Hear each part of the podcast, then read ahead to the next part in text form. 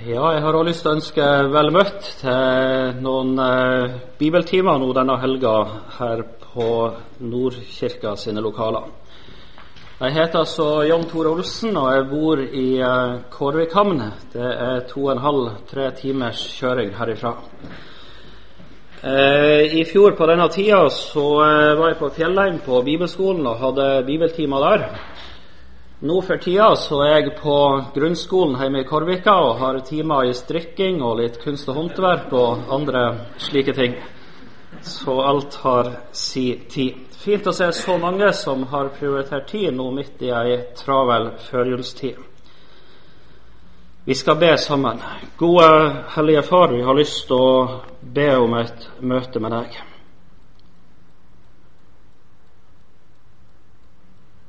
Vi vet det i vårt innerste at uh, det trenger vi om det skal gå bra med oss i dette livet. Og så har vi lyst til å prise deg for at du er en Gud som uh, vil møte den enkelte av oss. Og vi har lyst til å legge kvelden og helga i dine hender og ber her om at ordet kunne få finne vei til våre hjerter deg til ære og oss til gavene. Amen.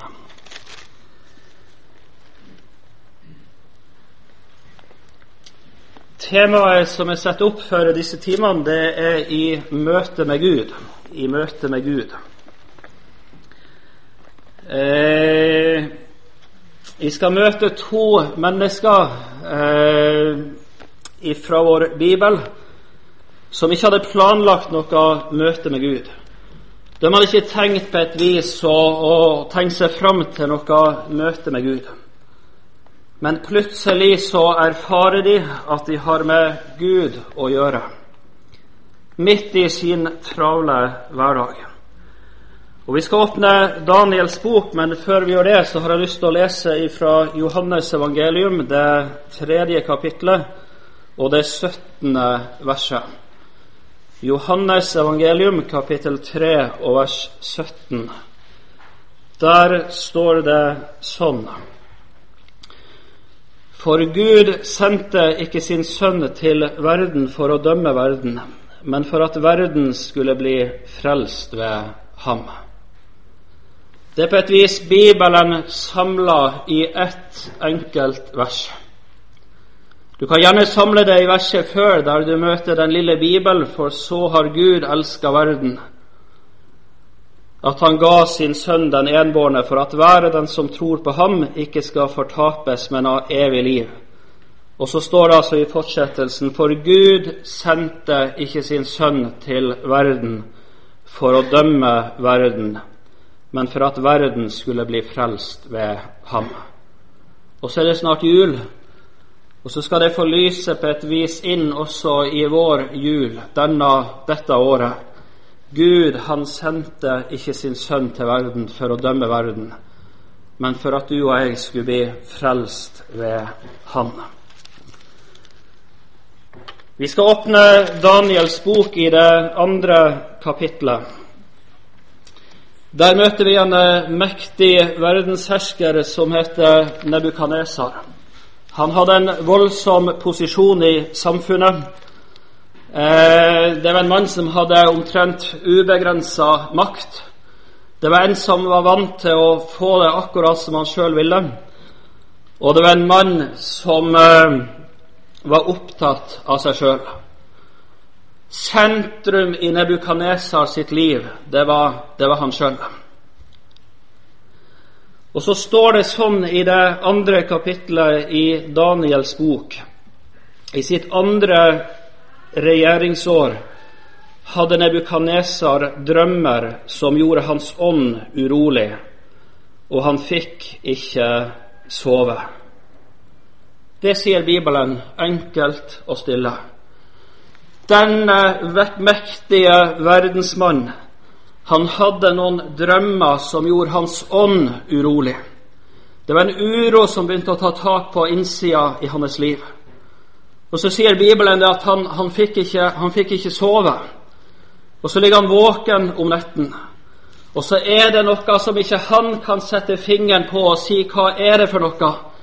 Men det er noe på et vis på innsida som uroer han, og som gjør det så vanskelig for Nebukadnesar. Nebukadnesar var en mann som klarte seg aldeles godt uten uh, den levende Gud. Han var en mann som klarte seg utrolig godt på, på egen hånd. Samtidig så var ikke Nebukadnesar en mann på et vis som, som, som fornekta at, at, det var noe på et vis mer enn oss mennesker her i verden. Og Derfor møter du en konge som har huset eller hoffet sitt fullt av drømmetydere og spåmenn og på et vis åndelige veiledere. Men Israels Gud kjente han ikke. Han visste om han, men han levde langt, langt på avstand ifra han. Og så skjer det at det er noe som når hjertet til Nebukadnesar og som gjør at han etter hvert ikke klarer å være alene med den byrden og den uroen. Og så begynner han å kalle til seg noen spåmenn og noen drømmetydere for at de skulle fortelle eller forklare hva det var slags drøm. Og Så møter du det i det tredje verset når Nebukadnesar står ansikt til ansikt med dem. Så sier han det at 'jeg har hatt en drøm, og min ånd er blitt urolig'.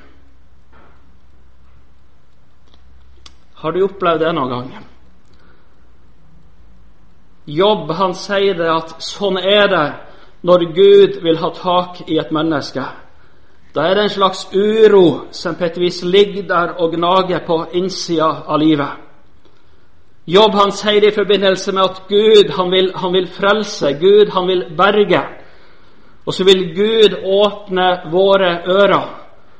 Og så sies det så enkelt at Gud han også legger noe inn på innsida i våre liv som gjør at ånden i vårt indre blir urolig.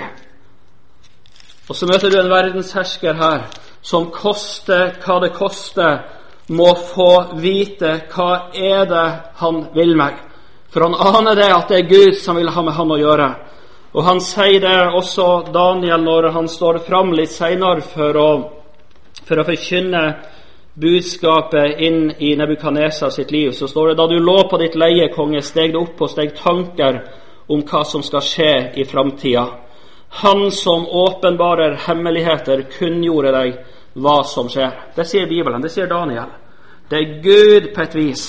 Det er Gud som har vært på besøk. Det er Gud som har lagt noe i ditt hjerte. Det er Gud som har vist deg en drøm. Og så møter du en konge som er så urolig for framtida. Hvordan skal det gå med meg? Hvordan skal det gå i mitt liv? Vi blar litt videre i uh, Daniels bok, inn i det fjerde kapitlet.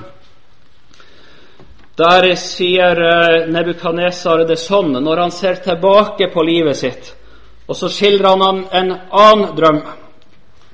Så sier han det sånn Jeg, Nebukadnesar, levde i ro i mitt hus jeg var frisk og vel til mote i mitt slott. Da hadde jeg en drøm som gjorde meg redd. Mine tanker på mitt leie og synene i mitt indre skremte meg, sier Nebukadnesar. Og så er det to forskjellige drømmer som løftes fram på et vis i denne historien. Det ene det er en drøm om et rike på et vis som skal forgå.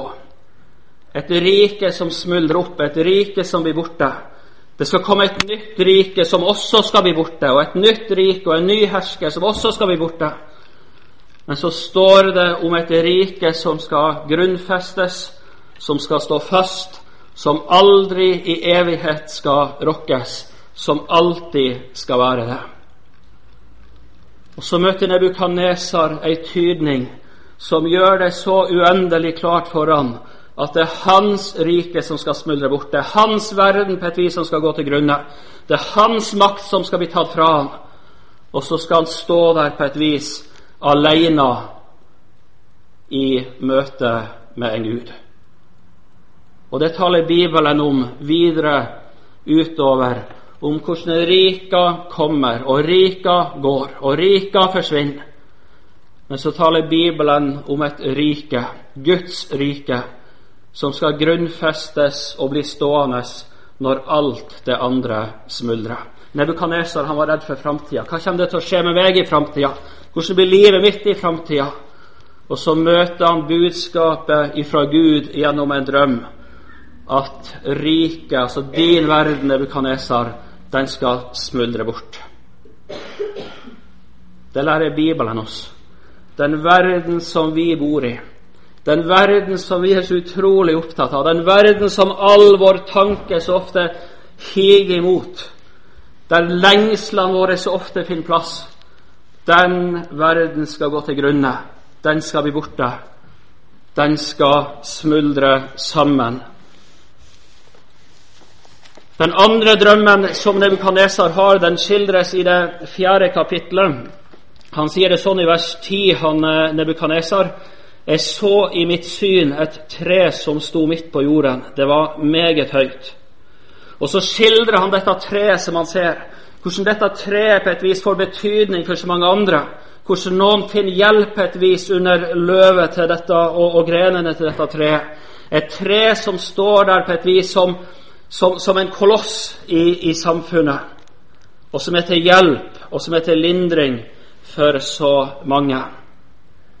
Og Så sier Nebukadnesar videre.: I de syner jeg hadde i mitt indre mens jeg hvilte på mitt leie, så jeg en hellig vokter som steg ned fra himmelen.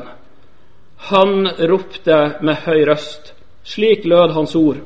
Og så står det kolon, og så kommer det to ord og utropstegn. Hva var det Nebukadnesar fikk høre? En hellig vokter som stiger ned. Og så sies det til han fell treet. Eller det er det han hører. Fell treet. Og så skildres og så skildres på et vis og forklares drømmen. Daniel han står der i møte med han, og så sier han det til Nebukadnesar. Dette treet er du sjøl konge. Det treet som Nebukadnesar står, så mektig, så stort, det som han ser, det som får bety så mye for andre, det treet skal falles. Du er det treet. Og så griper det på et vis i en hedens, hedensk verdenshersker sitt liv. Han som var så trygg på så mange måter. Han som hadde så mange rundt seg som, som var villig til å gi sitt liv for å, for å, forsvare ham, for å redde ham. Men så får han se en hellig vokter som stiger ned, og så blir han overbevist på et vis om at livet mitt, det står ikke der for alltid. Fell treet, sa vokteren, og så forkynnes det inn i hans liv. Dette treet er du sjøl. Da stiger Daniel fram, og så gir han et råd til kongen. Husker du hva han sier inn i Nebukadnesar sitt liv, inn i Nebukadnesar sin frykt? Han sier det sånn i vers 27.: Konge, la derfor mitt råd være deg til behag. Løs deg fra dine synder. Det sier Daniel, denne enkle jødiske gutten det ser han i møte med den mektigste mann i den verden som han levde i. Dette treet er du sjøl, konge. Og så vil han gi et råd. Du må løse deg ifra dine synder. Det er det som er problemet med Nebukadnesar. Det er det som er det dypeste problemet. Det er ikke hva som blir stående som navnet ditt i ettertida, hva som blir sagt og tenkt om deg og ditt rike. Men Nebukadnesar, du må løse deg ifra dine synder. Det er problemet. Og Så skal vi et blad videre i Bibelen. Og så møter vi en ny mann. Det er sønn til Nebukadnesar. Det er en mann som heter Belsasar. Han Belsasar han kjente utrolig godt historien, det som hadde skjedd med hans far. Han eh, visste uendelig godt hvem Israels Gud var. Men han Belsasar, han trivdes best langt borte ifra Gud. Og Bibelen sier ikke så enormt mye om livet hans, men det skildres på et vis i noen små vers som, som på et vis viser oss retninga i hans liv. Det er fest, det er luksus, det er fråtseri, det er nytelse, det er fyll og alt det som hører med det. Det er kjempefest i begynnelsen av Daniel kapittel 5. Og det er Belsasar som er festmann framfor alle. Det er han som har ordna det til. Og så er det jubel, det er glede, det er stemning. Og så plutselig så får Belsasar, kong Belsasar se noe. Det står ikke om de andre så det, men kongen så noe. Han ser en finger som kommer til syne, og så begynner det å skrives noe på, på veggen. Et språk som han ikke skjønte. Der står det 'mene, mene, tekel, ofarsin'. Og så leste om en konge som eh, skifter farge. Hans tanker skremte han. Han ble slapp i hoftene, og knærne slo mot hverandre. Musikken den dundra videre. Vinglassene ble fylt opp videre. Folket de kosa seg videre der på festen. Men Belsasar hadde sett noe som på et vis forandra alt for hans del. Han kunne ikke leve videre i den festen. Han kunne ikke bare skyve det fra seg og så, og, så, og så, leve videre som han ikke hadde hørt noe eller sett noe. Og så møter du en konge som koster hva det koste vil. Han må få vite hva er det for noe. Hva er det for noe av det som står på veggen? Hva er det skrevet på et vis over mitt liv? Belsasar var klar over hva det var. Han visste hvem som hadde skrevet, og han ante at dette har med meg å gjøre. Det er Gud som vil si noe inn i mitt liv. Og så møter du en konge som også han får møte tydninga. Og vi skal bare lese litt fra det som eh, sies til han eh, eh fra vers 20 her. Det er Daniel som tar til orde igjen. Og så sier han det i vers 20, men da, altså han forteller om far til Belsasar. Men da hans hjerte opphøya seg og hans ånd ble stolt, så han opptrådte overmodig, ble han nedstøtt fra sin kongetrone, og hans ære ble tatt fra ham. Han ble utstøtt fra menneskenes barn, og så leste du videre på et vis om det som skjer med Nebukadnesar. Historien løftes fram, og så sies det til ham, men du, Belsasar, hans sønn, har ikke ydmyka ditt hjerte, ennå du visste alt dette. Du har opphøya deg mot himmelens Herre, og så videre. Men den Gud som har din livsånde i sin hånd, og som råder over alle dine veier, ham har du ikke æra. Derfor ble denne hånd sendt deg fra ham, og denne Skriften skrevet. Det er sterke ord inn i en konges liv. Det finnes en Gud som har din livsånde i si hånd. Det er ikke du, Belsasar, som er herre over ditt liv. Det er ikke du som sitter her, som er herre over ditt liv. Det finnes en Gud som har din livsånde i si hand, Som har telt dine dager før en eneste av dem kom. Og så forkynnes tolkninga eller tydninga inn Mene, mene, tekel, ufarsin. Dette er, ordene, dette er tydningen av ordene, han i vers 26. Mene, kolon, telle tar Gud inn kongedømmes dager og gjort ende på det. Tekel, veid er du på vektskål og funnet for lett. Peres, delt er ditt rike og gitt til mederne og perserne. Og så forkynnes det på et vis til Belsasar. Du er funnet for lett. Du er veid på ei vektskål. Det er et bilde som er fremmed for oss. Det er et bilde som vi kanskje ikke drar kjensel på og sier så mye til oss. Men det er sånn ennå i enkelte kulturer når du skal ha noe, når du skal ha tak i noe, så stilles vekta på et eller annet, og så må det legges på noe som er tungt nok for at den skal vippe opp og, og komme i likevekt. Har du ikke nok slik at vekta går opp, eller slår ned på et vis, så, så, så, så er det ikke nok, og så får du ikke tak i det. Og så er det det bildet på et vis som brukes her. Livet ditt, livet ditt, Belsasar, det, det holder ikke mål. Livet ditt er ikke nok, det du har. Og så kommer det en slutt også i hans liv. Timer seinere så bæres en død konge bort derifra. Dagen var kommet, og så var livet hans over.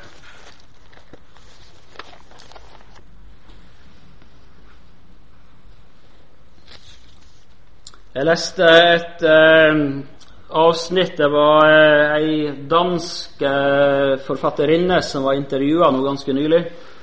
Hun hadde opplevd voldsom suksess nå de eh, siste årene. Ei ung, vakker dame, litt over 30 år. Enormt på et vis hva hun hadde solgt av bøker. Og så sier hun det Jeg tenker på døden hele tida. Jeg tenker på døden hele tida, sier hun. En skulle tro hun hadde nok av andre ting å tenke på. En skulle tro at i et så vellykka liv på et vis, så var ikke døden på et vis det som prega tanken. Og jeg snakka med ei hjemme, ei oppegående dame, også rundt 30 nå ganske nylig. Så sier hun det. Jeg er så redd for å dø. Jeg er så redd for å dø. Så hadde jeg lyst til å spørre deg er du det? Lever du med en uro på et vis som gnager og tærer og gjør livet vondt og vanskelig? En uro på et vis som du ikke blir kvitt, som du kanskje ikke kan sette ord på, men det er en uro der på innsida. Og så er det utrolig hva vi gjør på et vis for å, for å løfte det ifra oss. Da er det om å gjøre å få kalenderen fullest mulig, avtaleboka stappfull. Da er det om å gjøre kanskje å trykke musikken på full guffe, så vi kommer oss unna stillheten. Eller så er det kanskje å hive innpå piller og pastiller for det aller meste. Men det er en uro på innsida som ikke løses på det viset.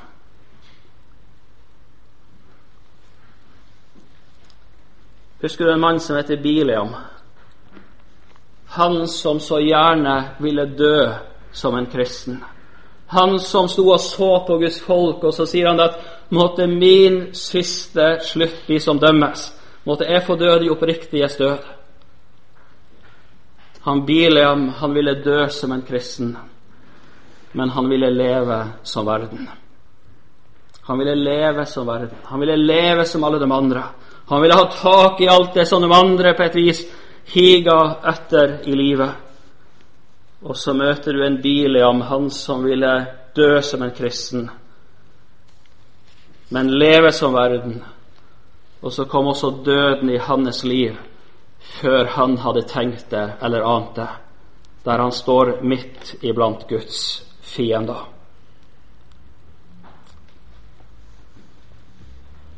Det er mange som eh, knyter seg litt når det snakkes på et vis om død og evighet og alvoret i det.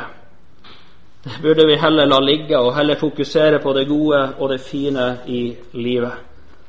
Jeg vet ikke om du har fulgt med eller sett noen programmer det her luksusfeller som går på TV. Disse som har voldsomt med, med økonomiske problemer. De har kommet i et, vann, altså i et, i et uføre som de ikke kommer seg ut av. Og så er det så gjenkjennelig på et vis, alle som enn omtrent. Det kommer regning etter regning etter regning. De mister kontroll, og så fylles de med et ubehag. Og så møter du en situasjon der de aldri åpner ei regning. De aldri åpner dem for å bli minnet om det, hva de skylder, og hva, hva de på et vis har i gjeld. Og så bare legges det til side og legges til side. Det er i hvert fall ikke løsning på problemet å legge det til side. Løsninga, den leste vi sammen i Johannes kapittel 3, 17. Det var en Gud som sendte sin sønn til verden. For at ikke vi skulle gå fortapt, men ha evig liv. Det er ingen av oss som er i makt eller i stand på et vis til å bli fri eller bli løst ifra sine synder. Men det kommer en frelser for å løse oss fra all synd. For elleve år siden, da, da var jeg i Sør-Amerika, jeg var i Colombia. Vi var ute og adopterte eh, han Daniel som sitter på bakerste benk. Vi venta noen eh, dager på at papirene skulle bli ferdige mellom to audienser hos dommeren. Og Så visste jeg at det ville gå noen uker. Vi reiste opp til kysten og ble eh, værende ei eh, stund oppe i en by som heter Cartagena, helt på nordkysten av Colombia. Der ble det ganske lange dager. Jeg gikk og rusla langs stranda en eh, dag og, og kommer over ei lita sånn seilsjappe der de leier ut seilbåter. Og jeg tenker yes, nå skal jeg sannelig bruke dagen til noe nyttig. Nå skal jeg lære meg å seile. Jeg hadde aldri vært ute i en seilbåt før. Aldri prøvd en seilbåt. Nå har jeg anledninga. Der leide de ut instruktører, og du betalte så og så mye for timen, og du kunne gjøre en avtale, og så, og så, skulle, de, så skulle, få lære å seile. Og jeg gjorde en avtale der på direkten, Å reise ut og kommer på havet. Det er han andre som styrer båten og sånt. Og så går det ikke lange tida før at det blåser opp, før at vindkastene begynner å, å, å rive i, i, båten. Og så er det sånn rossavind der det kastes fra alle retninger. og til min store forferdelse så opplever jeg det, eller oppdager jeg det, at han som er instruktør, han har ikke peiling på å seile. Han kan ikke seile. Og Vi kommer lenger og lenger ut, og meninga var jo sikkert at jeg skulle få overta ganske tidlig der, men han, han sitter der og drar i store og seiler og sånn, og, og prøver å få båten på rett kjøl. Og det går bare lenger og lenger til havs. Og Jeg vet ikke hvor lenge vi hadde vært ute. I hvert fall eh, var det snakk om noen, noen timer. Vi skulle vært på land, egentlig. Og jeg sitter der og kjenner en uro som tar sterkere og sterkere tak i meg. Nå er jeg på gal vei. Altså, dette går ikke bra. Dette går ikke bra. Og jeg sier flere ganger til ham nå må vi snu, nå må vi komme oss i land. Ja, ja, vi skal, vi skal snu, vi skal komme oss i land. Og så er det bare lenger og lenger ut, til vi knapt ser land i det fjerne. Den uroen, den sitter ennå på et vis i meg. Man satt der og visste det at jeg er på feil vei. Her skulle jeg aldri ha vært. Så kommer det etter hvert en lyd til, i det fjerne av en båt som tikker seg nærmere og nærmere. Eh, han kommer helt oppi oss. Han ligger kanskje bare noen meter ifra. Og så er det han som eier den seilsjappa, som har tatt turen ut for å se om alt sto vel til. Han kunne ikke bare stenge sjappa og gå hjem. Han hadde noen der ute som, som ikke var kommet tilbake til avtalt tid, og så kommer han. Og så spør han på et vis om, om, eh, om alt går, går, bra. Og så reiser instruktøren seg i båten og sier ja, ja, alt går bra. Alt går kjempebra. Og jeg sitter paralysert omtrent og kan ikke fatte og begripe den dag i dag at jeg bare satt der jeg blir sittende i båten. Og han sier instruktøren du skal bare komme deg på land, vi skal snu, og så kommer vi inn ganske snart. Ja, er du sikker på det, spør han. Ja, sier instruktøren. Og så snur han båten, og så fær han sin vei. Og jeg sitter der og ser han lenger og lenger og lenger ifra meg, til redningsmannen er borte vekk. Jeg kan ikke fatte og begripe om han ville seile videre, så skulle han fått lov til det, men jeg skulle sannelig hoppa i havet og svømt de små meterne bort og kara meg opp i båten. Og Så tar jeg ordet så sier jeg til han instruktør når, når, når vi ikke ser redningsmannen lenger Du, nå er vi nødt til å komme oss på land. Ja, sier han. Og Så kryper han under seilet og skal liksom få snudd båten og sånn. Og så glir han, og så detter han ut av båten og i havet. Ikke har han redningsvest på, han roper og skriker og begynner å kave og svømme så fort han kan imot båten, men båten han har så stor fart at den får bare lenger og lenger og lenger ifra. Til slutt så ser han ikke. Jeg har aldri sittet i en seilbåt før. Og jeg ber til Gud om at nå må han gjøre et under ute på havet. Og det gjør han. På et eller annet vis så får man snudd båten, og så går det ikke så veldig mange minuttene, så ser man han ligge i havet ennå og kave og svømme, denne instruktøren. Idet vi skal passere, så, så, så, så, går det for langt til høyre, så båten har så stor fart at vi kommer til å rase fra den igjen. Så jeg reiser meg i båten og tar tak så høyt jeg kan i masta, så, så kvelver båten, slik at båten tipper med kjølen opp. Og så ligger vi to stykker og spreller i havet. Det ble ikke sagt så mye, men da var det tid til å tenke. Den uroen som han hadde båret med seg, og så redningsmannen som var så nær, og så hadde man bare vinka han av gårde.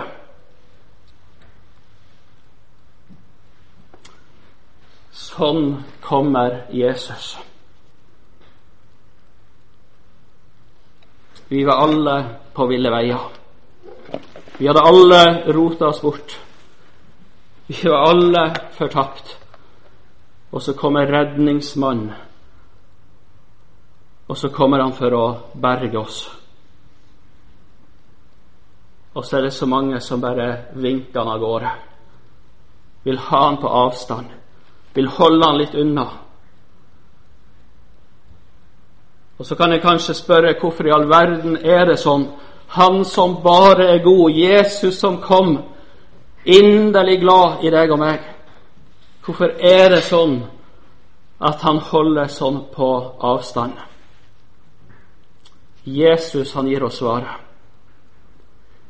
Jesus, han sier det i Johannes 3 vers 21, at det har å gjøre med at vi vil ikke at synda vår skal på et vis bli åpenbar. Han som kom for å løse oss ifra all synd, som sier 'Kom til meg, la oss gå i rette med hverandre', la oss gjøre opp. Om synda di er aldri så skitten, om den er aldri så blodrød, så skal den bli hvit som snø. Kom, sier han, la oss gjøre opp. Og så sier Jesus det at det er det som på et vis skaper avstand mellom et menneske og redningsmann Jesus. Jeg vil ikke slippe synda. Jeg vil holde fast på synda. Jeg vil ha synda med meg videre i livet. Og så aner man det at i møte med Han, da, da kan ikke synda få, få bli med videre på ferden og så vinkes han heller av gårde. Så vil man heller leve som man vil, og så blir han stående på avstand. Husker du en mann som heter Naftali? Var en merkelig mann. Han var en av Josef sine brødre som hadde kvitta seg med broren, tjent noe penger på broren. Broren var kasta i en brønn. De hata bror sin fordi at han snakka om at en dag så skulle de bøye kne. Og så hadde de gjort seg ferdig med han. Men så må de hjem til han far, som var så glad i han Josef. Og så er det hvordan i all verden skal de løse det. Og Så sier historien det veldig kort at de tar kappa til Josef, og så, og så dypper den kappa i blodet til et villdyr som den får tak i der, og så, og så sendes kappa hjem. Og så løftes den fram for faren. Så ikke dem som sier noe, men, men faren han ser at det er, at det er Josefs kappe. Og så møter du et liv som raser i grus for han Jakob. Josef, han er død, tenker han. Josef, han er død. De har gjort et enormt inntrykk i Naftal i sitt liv sammen med de andre brødrene sine og stå der ansikt til ansikt i møte med sin far og se hvordan sorgen på et vis tar knekken på han. Og så veit de at han Josef, han lever.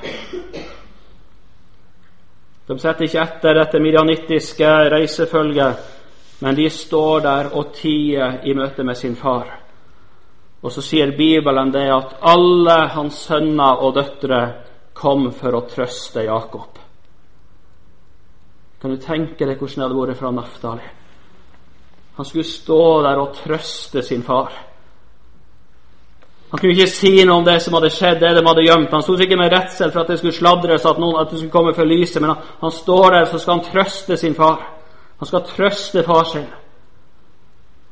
Og jeg tenkte mange ganger i forholdet mellom han Naftali og hans far. For det gikk ikke bare ei uke, men det gikk år etter år etter år.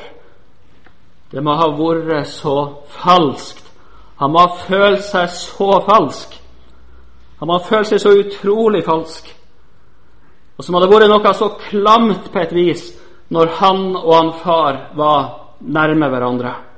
Kanskje aller klammest når han og han far var helt alene, bare dem to. Han bar på noe som han gjemte unna og ville skjule. Jeg skal ikke bruke tid i historien, men mange år etterpå så skjer det at Naftali en dag står og sier til han far akkurat hvordan det var. Og Så tar han Josef litt seinere til orde, og så sier han noe om sønnen sin. Naftali, sier han.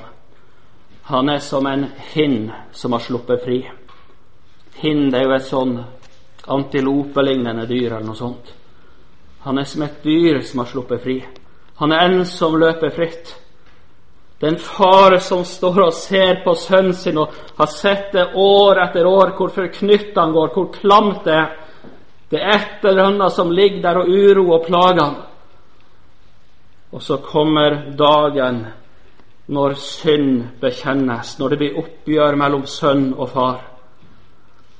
Og så ser han faren etterpå, og så fryder han seg over Naftali. Han er som en hind som har sluppet fri. Bærer du på noe i din samvittighet i ditt liv som gjør det så klamt i møte med Gud? Som gjør at du egentlig trives best litt på avstand ifra Han? aller mest vanskelig er det å skulle være stille helt, helt alene med Han.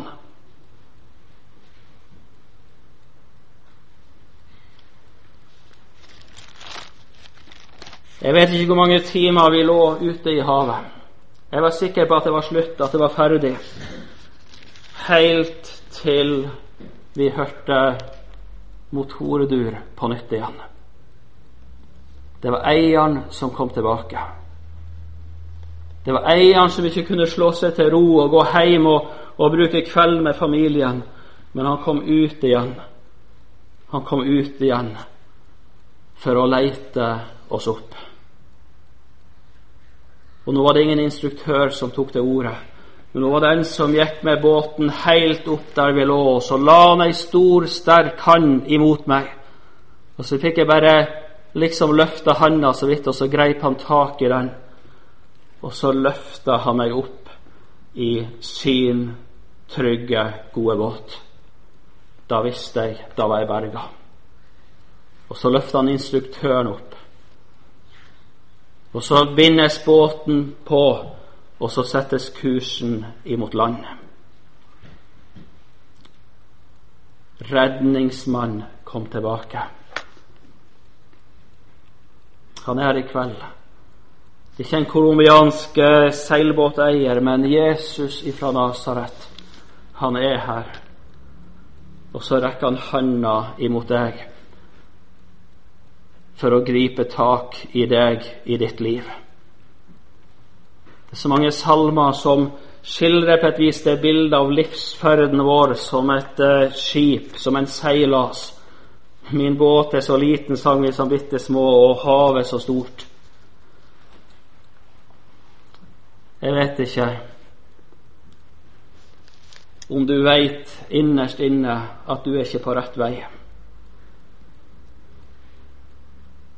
Det går ikke bra om livet skulle ta slutt i kveld. Men jeg veit at det er en som ser deg, og som rekker handa si imot deg. Og så vil han hviske deg inn i livet at hans blod, det renser for all synd. Han døde for deg. Han frelste deg. Han ga livet sitt for deg. Han led og døde for at han skulle få komme deg i møte og si at du er fri. Du er løst ifra de synd. Det vil han. Det vil Jesus i kveld. Jeg passer ikke til å være en kristen, er det mange som sier. Jeg må bli ferdig med det og det, jeg må få til det og det. Det er ingen som passer så godt sammen med Jesus som du gjør. Det er deg han vil ha. Ikke fordi at du er så god og så flink og så fin, men fordi at du er en som han elsker. Også det som du mangler i deg sjøl for å kunne stå for Gud i dommen, det ville han la deg finne i seg sjøl, i Jesus Kristus. Jeg skal lese helt til slutt i Salme 18. Salme 18. Der sier uh, salmisten det sånn i vers 17.: Fra det høye rakte han ut sin hånd. Han grep meg, han dro meg opp av dype vann. Han fridde meg ut, sier han. Han grep meg. Og så sier han det videre i vers 20. Han frelste meg. For, står det, han hadde behag i meg. Det sier salmisten. Han frelste meg, for han hadde behag i meg. Jeg er takknemlig i møte med Han som kom for andre gang. Han som ofra noen liter bensin og noen timer på kvelden. Men det er ingenting i møte med Jesus hva han ofra for å få redde deg og meg. Kjære Jesus, jeg har lyst til å takke deg for at det gjorde du. Takk for at et eh, fullbrakt, fullbrakt frelsesverk som du ønsker å lede oss inn i. Takk for at hos deg så er det tilgivelse for all synd. Takk for at hos deg så er det framtid, og så er det håp, står det i Bibelen. Så jeg har lyst til å be deg, Jesus, om at du må få nå oss på en sånn måte at ikke vi er de som lever om ikke det ytre, men så i vårt indre, og, og vinke deg på avstand og holde deg på avstand. Ikke vi blir sånne som vil holde fast på ting i livet som vi vet er deg imot, på en sånn måte at at vi lever borte ifra samfunnet med deg. Takk, Jesus, fordi at du vil ha alle oss som er her i kveld. Takk for at det er ingen forskjell. Vi er alle like fortapte i oss sjøl. Men takk, Jesus, fordi at vi alle er like frelst i deg om vi får begrepet av di hand. Amen.